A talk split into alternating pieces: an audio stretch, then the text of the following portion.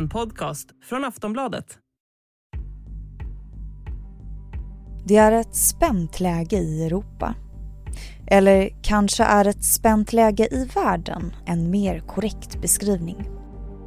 Alldeles precis utsattes Nord Stream, gasledningarna i Östersjön som går mellan Ryssland och Tyskland, troligtvis för sabotage. Gaspriserna har hunnit stiga ytterligare och samtidigt så har Ryssland genomfört vad de kallar för folkomröstningar i ockuperade områden i Ukraina. Enligt Putin så har ukrainarna i områdena röstat ja till att tillhöra Ryssland och fredag den 30 september beskrivs som ett skräckdatum eftersom att Putin då förväntas deklarera annektering av regionerna som tillsammans utgör ett område lika stort som Lappland. Annekteringen ska, enligt plan, presenteras under en ceremoni på Röda torget i Moskva ackompanjerat av en rockkonsert. Och omvärlden sitter inte heller still i båten.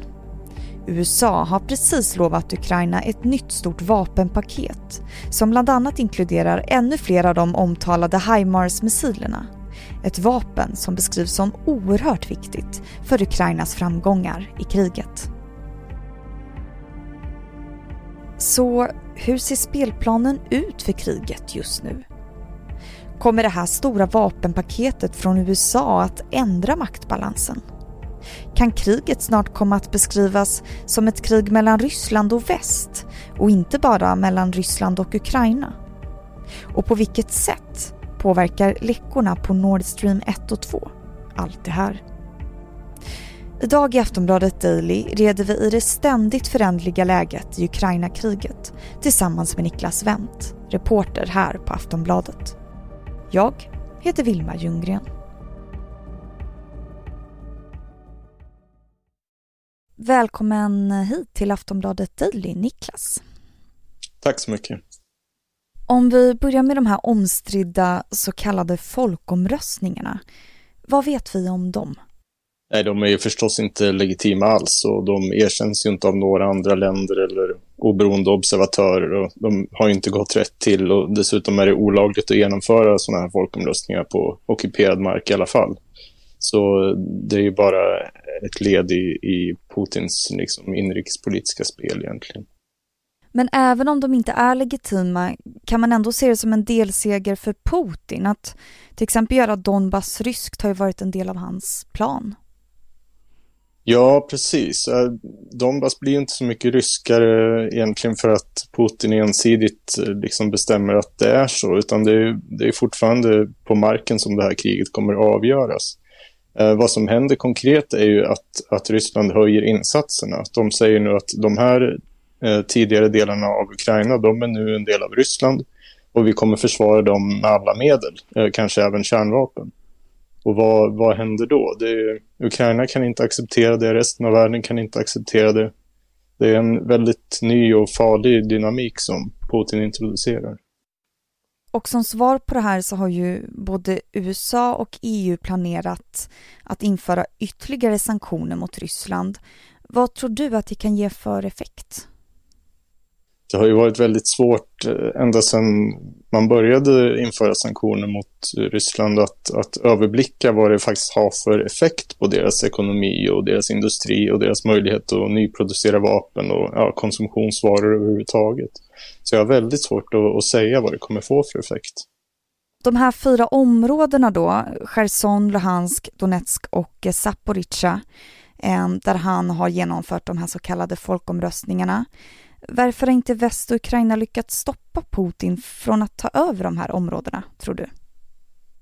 Det här är områden som eh, Ryssland antingen har kontrollerat sedan innan den här senaste invasionen började eh, eller som de tog väldigt tidigt i kriget då, redan i våras.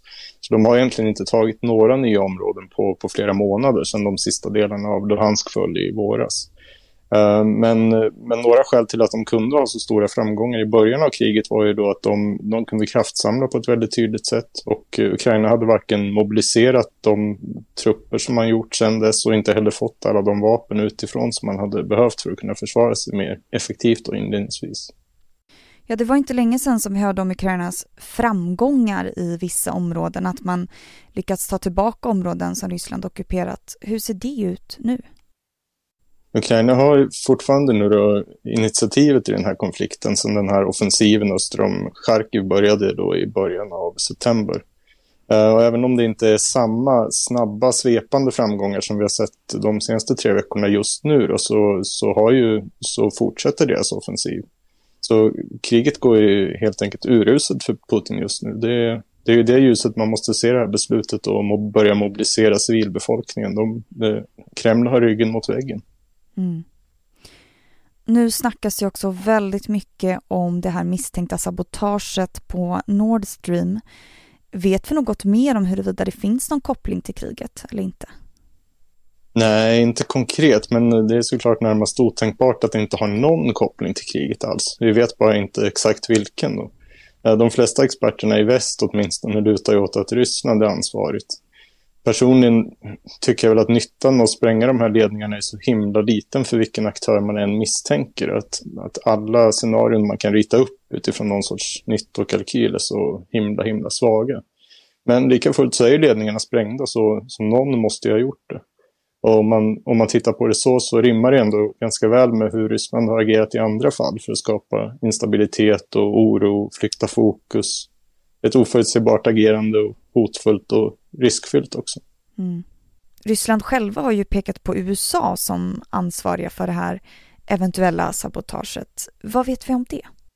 det är självklart så att Ryssland, oavsett om man nu har gjort det här eller inte, försöker använda den här händelsen i sin informationskrigföring. Eh, att blanda bort korten och försöka peka finger åt håll, det är en, en självklar del i det.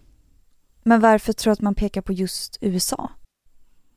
Att dels är USA Rysslands stora geopolitiska motståndare. Eh, den som man liksom målar ut som håller i trådarna eh, i liksom all antirysk verksamhet i världen. Och sen finns det en stark skepsis och misstänksamhet mot USA i många länder som man, som man kan utnyttja också. Aftonbladet Daily är strax tillbaka.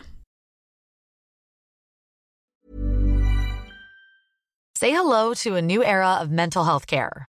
Cerebral is here to help you achieve your mental wellness goals with professional therapy and medication management support. 100% online. You'll experience the all new Cerebral Way, an innovative approach to mental wellness designed around you. You'll get a personalized treatment plan from a therapist, prescriber, or both in a safe and judgment free space. Your cerebral therapist or prescriber will outline a customized plan with clear milestones along the way so you can get to feeling your best. With Cerebral, you're not alone in your mental health journey. We're here to empower you to live a fulfilling life. So take that first step towards a brighter future and sign up today at cerebral.com slash podcast and use code ACasts to get 15% off your first month. Offer only valid on monthly plans. Other exclusions may apply. Offer ends July 31st, 2024. See site for details.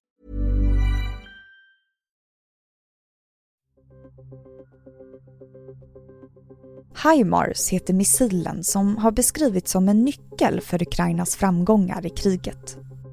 Vapnet kan beskrivas som ett raketartilleri som sitter bak på en lastbil och som kan skjuta iväg missiler runt 8 mil.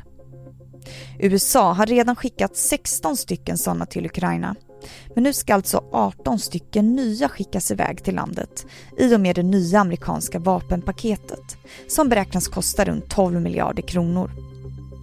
Vi hör Niklas Wendt igen om huruvida den här stora vapenleveransen kan komma att ändra maktbalansen i kriget framöver.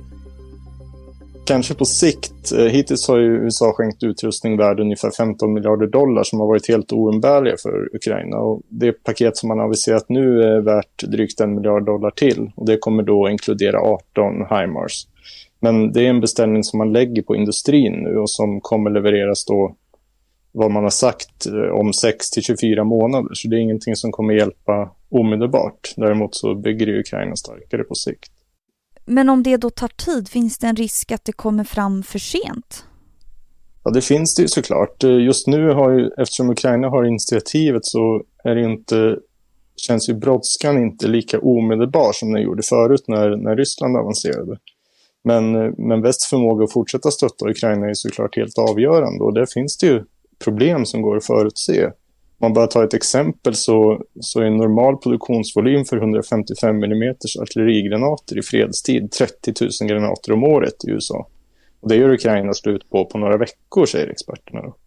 Pansarvärnsroboten Javelin producerar USA 800 av per år och de har man redan skickat 8000 av till Ukraina. Så risken är att lagen tar slut om man inte lyckas trappa upp produktionen. Och om man slår ihop det faktum att Ryssland kommer deklarera att de annekterat ukrainska områden och att väst skickar ännu mer vapen till Ukraina. Kan man vänta sig att kriget eskalerar nu?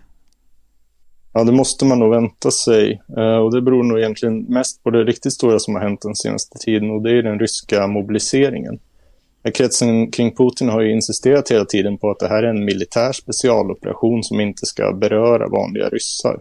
Men nu blir det rimligen uppenbart för alla, även i Ryssland, att det här är ett krig och som Ryssland dessutom håller på att förlora. Eh, så det, dels finns det en politisk aspekt av det här. Hur, hur påverkar det stödet för Putin bland folket i Ryssland och, och i den mäktiga kretsen runt presidenten?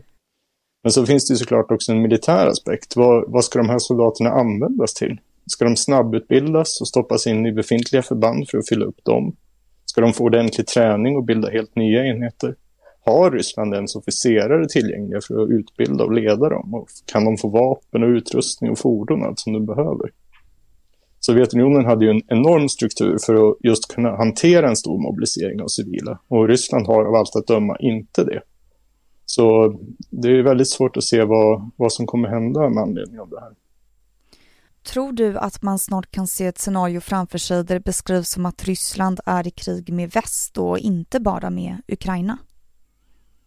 Ja, det där, så har ju Ryssland åtminstone försökt beskriva det sedan dag ett egentligen. Det är så man eh, motiverade att man startade det här kriget egentligen. Att Ukraina bara var en illegitim marionettstat som gick i västs ledband. Och i takt med att kriget gått sämre och sämre så, så har ju viljan såklart ökat bland Putins propagandister att beskriva det som ett krig mellan Ryssland och hela västvärlden. För att, eh, ja, hur skulle enbart lilla Ukraina kunna bjuda på så här hårt motstånd? Så det passar in i hela deras konspiratoriska beskrivning av världen. Samtidigt som det förstås är så att väst med sina ekonomiska sanktioner och stöd till Ukraina inte har varit en passiv åskådare i konflikten på något sätt. Tror du att det kan bli så att även väst kan komma att omfamna det narrativet? Jag tror nog många redan upplever att Ryssland är en motståndare till, till många länder i väst, alltså som, som hotar sina grannländer och hotar den fredliga ordning som ändå många har varit vana vid. Så det är nog ingen som betraktar Ryssland som liksom ett normalt land som man kan samarbeta med och, och, och ha förtroendefulla relationer med. Mm. Och i någon mening så försvarar ju Ukraina de värden som länder som Sverige omfamnar, alltså internationell rätt och fredlig konfliktlösning, demokrati och folkligt självbestämmande. Så det, det är klart att ingen som värderar de sakerna kan liksom vara helt neutral i den här konflikten. Och förutom att USA nu senast skickar mer vapen, tror du att man från västs håll kommer gå in i kriget även på andra sätt snart, via NATO eller EU eller så? Jag har svårt att se det i nuläget om det inte sker något väldigt dramatiskt. En sån sak skulle ju kunna vara om Ryssland använder kärnvapen. Eh, då är allt på bordet och vad som händer då kan man ju bara spekulera väldigt vilt i. Men bara häromdagen sa Joe Bidens rådgivare för nationell säkerhet, Jake Sullivan, att USA mycket tydligt har kommunicerat till Ryssland att använder ni kärnvapen så kommer vi agera mycket beslutsamt och följderna för er kommer bli katastrofala. Så det är mycket så signalering som, som sker just nu runt det här. Och om vi går till vårt grannland Finland så har ju de stängt gränsen mot Ryssland nu. Vad kan det få för konsekvenser? Många ryssar har ju sedan den här mobiliseringen drog igång använt eh, just möjligheten att ta sig till Finland eller åtminstone sett möjligheten att använda den eh, övergången som en livlina för att undkomma mobilisering och den stängs ju då. Eh, och de som hade tänkt att använda den blir kvar i Ryssland. Vad tror du att vi kommer att få se härnäst gällande kriget? Det blir intressant att se vad Ukraina förmår att göra nu innan vintern kommer och innan ryska mobiliserade soldater börjar använda i, i större antal. En möjlighet är att, att vi får se ett mer allvarligt försök att befria Cherson i söder. ett annat att man ytterligare fortsätter och förstärker den offensiven öster om Charkiv. Men eh, ja, det, det här kriget kommer inte ta slut på länge. Då säger jag tack så mycket Niklas Wendt för att du gästade Aftonbladet Daily. Tack så mycket. Du har hört Aftonbladet Daily där Niklas Wendt, reporter här på Aftonbladet, intervjuades av mig, Vilma Ljunggren. Tack för att du har lyssnat så hörs vi snart igen.